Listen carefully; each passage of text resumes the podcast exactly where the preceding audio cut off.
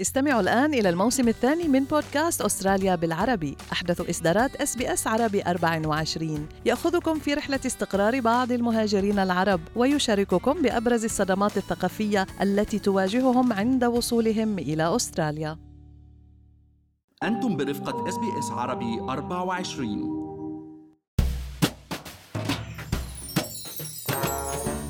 كل عام وأنتم بألف خير. رجعنا بعام 2023 وحاملين تطلعات وأماني وأهداف جديدة للعام الجديد معظمنا بيبدأ العام بقرارات بتهدف للتغيير ممكن تبدأ بحمية غذائية ورياضة تغيير الوظيفة ولكن بعد أول أسبوعين معظم هاي القرارات تذهب مع الريح ماذا عن القرارات اللي بتتعلق بأهدافنا المالية؟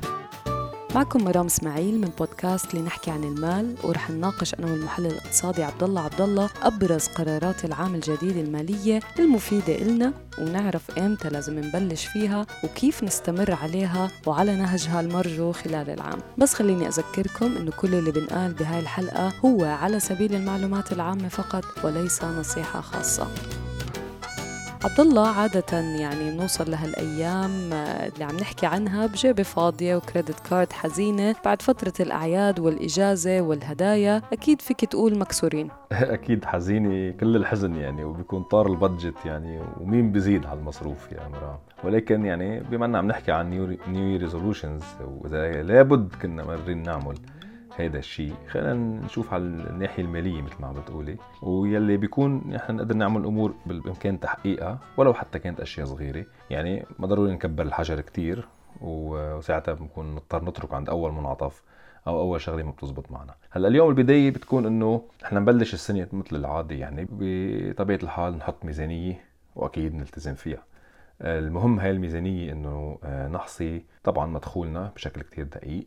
طبعا توقعات عن مدخولنا أكيد وكل مصاريفنا مصاريف الثابته يعني ونخصص مبالغ للمصاريف المتغيرة مثل ال shopping وغيرها من الأمور ولازم أيضا يمكن عبد الله نلتزم بسداد الديون ذات الفوائد المرتفعة وخاصة ديون ال credit card يلي بنذكر إنه الفائدة عليها ما نقصت عن ال 20% حتى وقت كانت أسعار الفوائد بالبلد منخفضة. طبعا هذا شيء أولوية مرام ولنقدر نحن نسدد هذه الديون البداية بتكون باحصائها يعني نحن نعمل قائمة بالديون وأسعار الفايدة اللي عم ندفعها على كل دين يعني إذا عندنا كذا credit card مثلا نعملهم نحطهم على ورقة أو نعمل فيهم Excel sheet وخاصة إنه آه، مثل ما كنت عم بقول إنه ال credit cards متعددين وفي كتير يعني تفاصيل لازم نكون منتبهين لها. وفينا نحن ساعتها نبلش بتسديد ديون تبع المبالغ الصغيرة يعني. وليش لا؟ بس نسدد هالديون نلغي البطاقة بشكل كامل. وفينا أيضا نبدأ بسداد الديون يلي نسب الفوائد عليها هي الأعلى أولا وما ننسى ديون ال buy now pay later يلي صحيح ما عليهم فوائد ولكن الرسوم المفروضة عليهم في حال التخلف عن سداد الدفعات ممكن تكون أعلى من فوائد credit card. وفينا بهالحالة كمان مرام يعني نحن نبحث بين البنوك على عروض تحويل الرصيد يعني بتكون عادة بشكل مجاني من بنك لتاني وعادة كمان بيعطونا معدل فائدة أقل على على هذا الدين ولكن نحن لازم بنفس الوقت ننتبه لشروط آه، وأحكام يعني مثل ما بيقولوا الرسوم يلي بتكون على البطاقة جديده يعني ما بكفي إنه يكون مثلا أسعار الفوائد على الدين الاكزيستنج أوطى. بدنا نشوف إذا نحن استعملناها بالمستقبل كمان حيكون الأسعار الفوائد أوطى وشو وضع الرسوم هل ترى هي رسوم مرتفعة وغيرها كثير من الشروط. يعني we don't end up مثل ما بيقولوا عم ندفع أكثر بالآخر. وبعد التخلص من الدين لازم نحاول على قد ما نقدر نهدف لأنه نوفر مبلغ بآخر الشهر ونعطي موضوع ال saving أولوية. دائما نحن يعني بنحكي عن ال saving آه، وهذا الشيء يعني كان هي new resolution ممكن يكون أحد الأهداف يلي نحن حتى لو إنه كنا عم نقول يعني بأشياء صغيرة إذا اننا بدنا نستهدف لازم كل آخر شهر مثلا نقول بدنا نوفر ألف دولار. okay؟ آه، وأفضل طريقة نحن نقدر نلزم نفسنا ونلتزم بهذا المبلغ إنه نحوله اوتوماتيكيا بأول الشهر لحساب توفير. يعني أول ما بينزل المعاش يكون هذا المبلغ متحول. ساعتها نحن بنكون ملتزمين فيه نوعا ما. هلأ اليوم الهدف من ال saving لازم يكون مثلا إنه نحن آه، نبلش نوفر نحط هدف أكبر. يعني نوفر هال saving لندفع دفعه أولى لشراء منزل أو مثلا نعمل آه، مبلغ احتياطي نستعمله خلال الأزمات. تأسيس كمان صندوق للطوارئ عبد الله يعد من ال new year resolutions المهمة جدا نلتزم فيها أيضا. يعني يكون عندنا مبلغ مصروف احتياطي يكفينا بين الثلاثة لست أشهر من نفقات المعيشة. يعني كمان يأمنلنا راحة بال مالية وأيضا هذا الصندوق ممكن يستخدم لتغطية نفقات كبيرة غير متوقعة. وحكينا يعني عن شراء المنزل مرام يعني ما زال يعني يعتبر الحلم الأول للكثير من الأستراليين إنه امتلاك منزل. وهو فعلا يعني إذا بدنا نحكي ماليا يعتبر اليوم بأستراليا من أفضل الطرق لتجميع الثروة ونأمن نفسنا ماليا بعد التقاعد بالإضافة أكيد يعني لتأمينه عبر السوبر. لهيك أنا برأيي مرام هذا الموضوع لازم ياخذ أولوية على السنة الجديدة ويكون أولوية قصوى ونحط هدف لتحقيقه يعني إذا ظروفنا ما بتسمح لنا اليوم نجمع المبلغ بسنة واحدة ممكن نحط هذا الهدف على سنة سنتين ثلاثة ليش لا؟ يعني ما في ما في شيء ما في ضرر بالموضوع. المهم نبدأ والموضوع يعني بده تضحية أكيد بطبيعة الحال وبيستاهل هذه التضحية. وبالحديث عن السوبر عبد الله ممكن نلتزم كمان بزيادة مبالغ المساهمة الطوعية بحساب السوبر وهي طريقة جيدة جدا لبناء مدخرات مستقبلية والتفكير بالمستقبل. نحن خلينا نذكر مرام إنه نحن بإمكاننا سنويا نساهم مساهمة طوعية بمبلغ حد أقصى سنويا 27500 دولار أكيد بحساب السوبر. هذا أكيد بالإضافة لكل المبالغ اللي بيكون صاحب العمل يعني عم بيساهم فيها بشكل إجباري. يلي هو ال rate هذه السنة هو عم بيكون 10.5% من ال pay rate تبعنا الأسبوعي أو الشهري.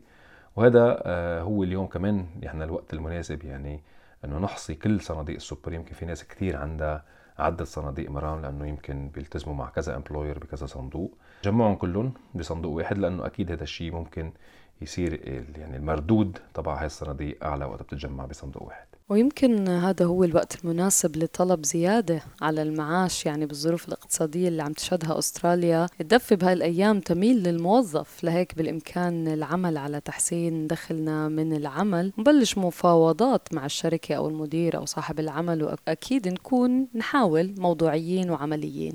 وما ننسى مرام نحن بما أنه عم نحكي عن سنه جديدة يعني و new resolutions دائما الموضوع الأساسي اللي نحن دائما بنحكي فيه هون هو الاستثمار كمان يعني. وخاصة إذا ما كان آه، عندنا ديون أو تخلصنا من الديون دفعناهم آه، خلال آه، السنة لازم نحط خطة واضحة وهدف من الاستثمار. ويمكن يكون نحن اليوم والمهم نكون نحن كمان مطلعين بشكل جيد على كل الخيارات المتاحة. وخاصة إنه في خيارات سهلة للمبتدئين.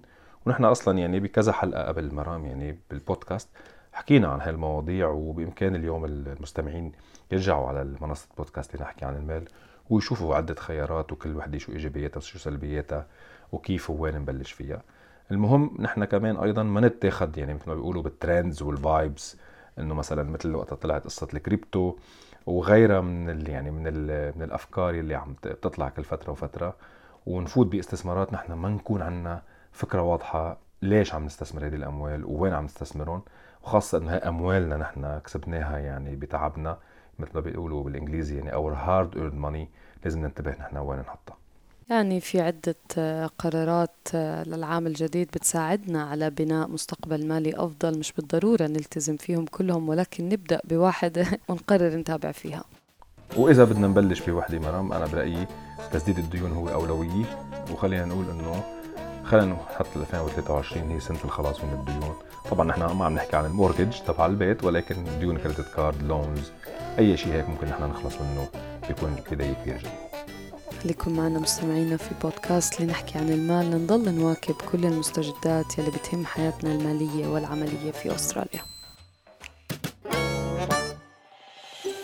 هل تريدون الاستماع إلى المزيد من هذه القصص؟ استمعوا من خلال Apple Podcast، Google Podcast، Spotify أو من أينما تحصلون على البودكاست.